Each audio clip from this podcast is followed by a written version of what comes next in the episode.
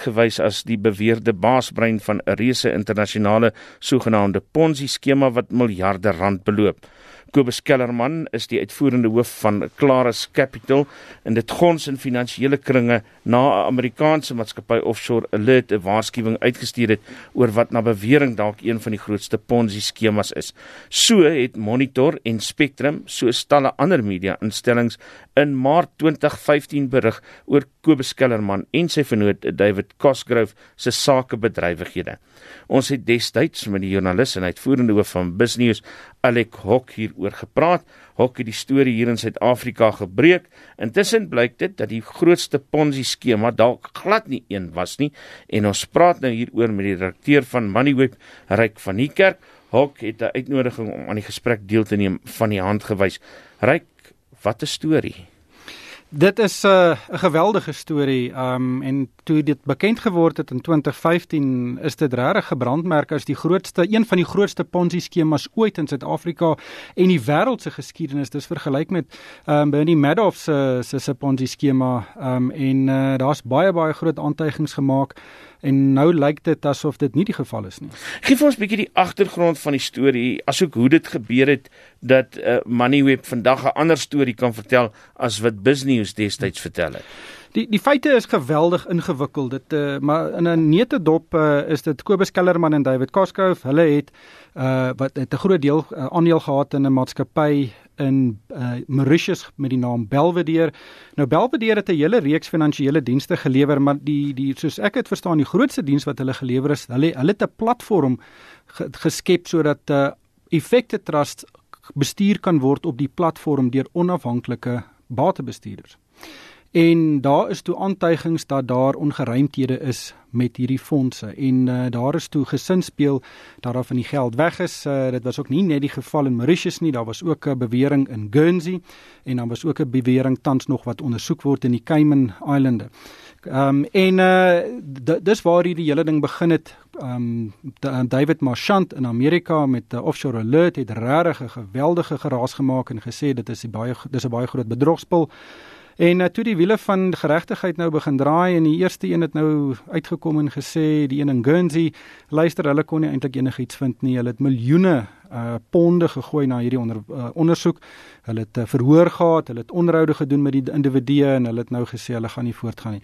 Jou tweede vraag oor hoekom het ons 'n ander storie vertel? Man, jy weet ons het uh, by Moneyweb probeer ons uh goeders op feite uh baseer En uh, ons sit kon net eenvoudig aan die begin net nie die beweringe wat gemaak is um, kon ons kon dit net nie bevestig kry nie. En ons was baie versigtig oor hoe ons die storie vertel het. Ehm um, en uh, ons het ook baie kritiek gekry daaroor omdat dit so 'n sensasionele storie was.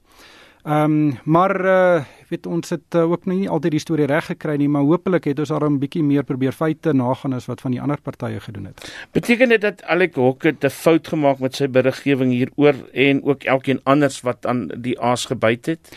Ek wil nou nie oor individue kom oor kommentaar lewer op van ons uh, van van ander media groepe se uh, se se doen en laat in die uh, maar wat ek wel kan sê ek dink daar het baie mense het het het uh, vir vir uh, Kellerman en vir Karskrou skuldig bevind voordat daar enige hof was of enige uitspraak was of enige regte ondersoek was alles was gegrond op beweringe en daai beweringe moes getoets word.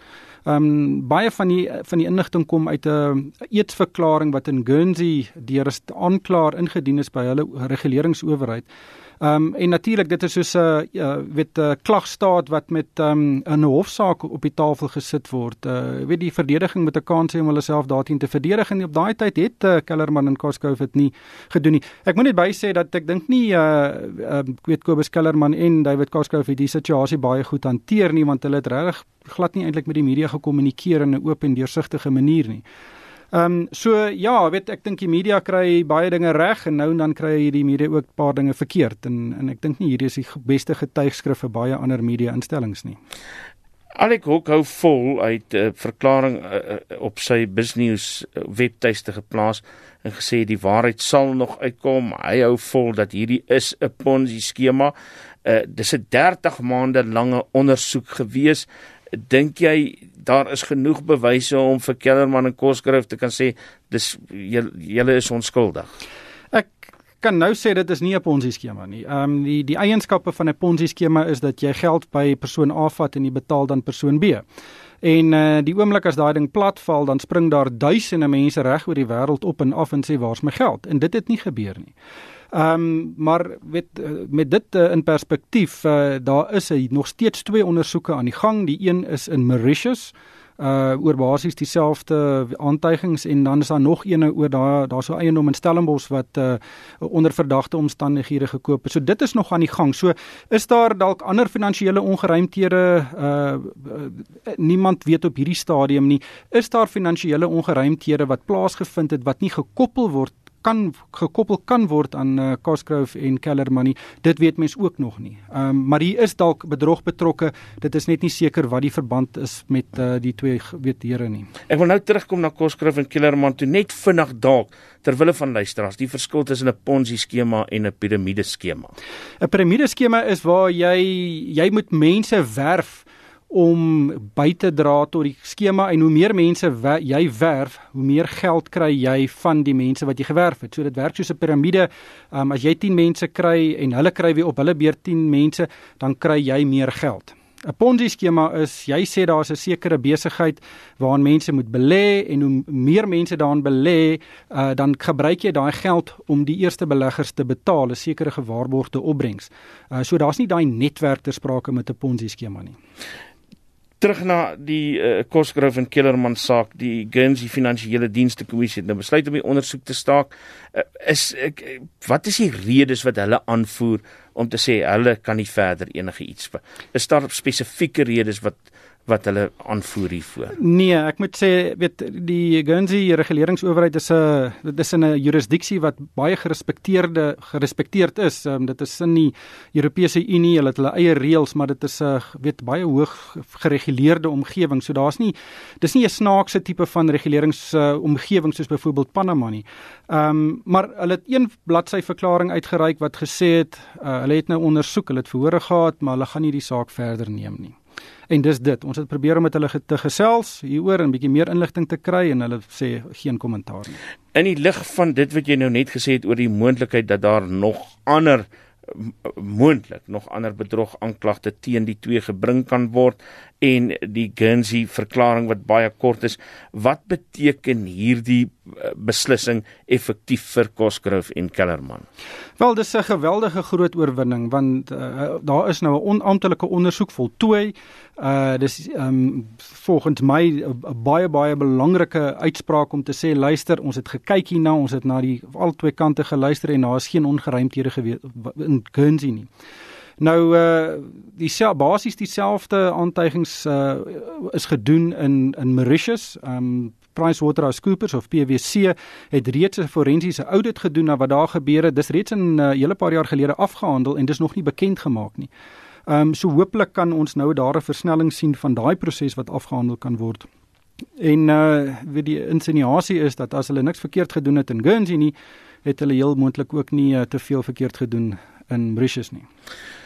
Daar's soveel vrae wat 'n mens uit hierdie ding uit kan vra. Soos jy sê, dis 'n baie ingewikkelde storie, maar ek dink die een belangrike vraag wat mens dalk ook maar moet vra, uh siende dat ek en jy joernaliste is wat hier teenoor mekaar sit, wat is die les wat joernaliste uit hierdie storie moet leer volgens jou?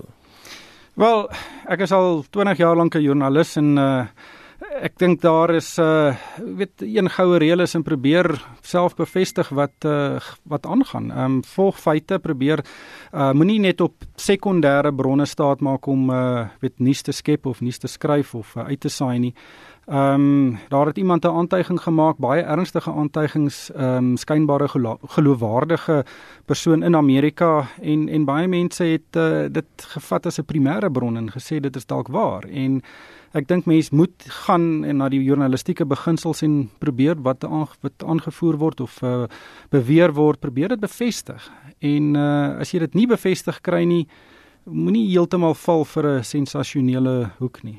Dink jy uh, iemand soos Kobus Kellerman en David Koskrif kan weer opstaan na so 'n slag want ek veronderstel en soos hy sê hulle het niks meer oor nie.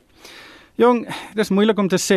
Ehm um, weet die die hof van die openbare opinie is 'n baie meer doonlose hof en hy vind mense baie vinnig skuldig en baie mense hoor nie na die tyd dat uh, wat aangevoer is uh, onwaar was nie. So uh, ek ek is seker hulle is twee baie interessante individue en ek en hooplik kan hulle opstaan weet soos ek sê daar's nog ondersoeke wat aan die gang is hulle moet nog oor daai hekkie spring ehm um, en en hopelik uh, sal dit genoegsame weet uh, geloofwaardigheid in hulle herstel om dit te kan doen.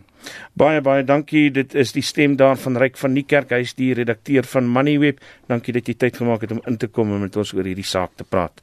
Ryk. Reg so.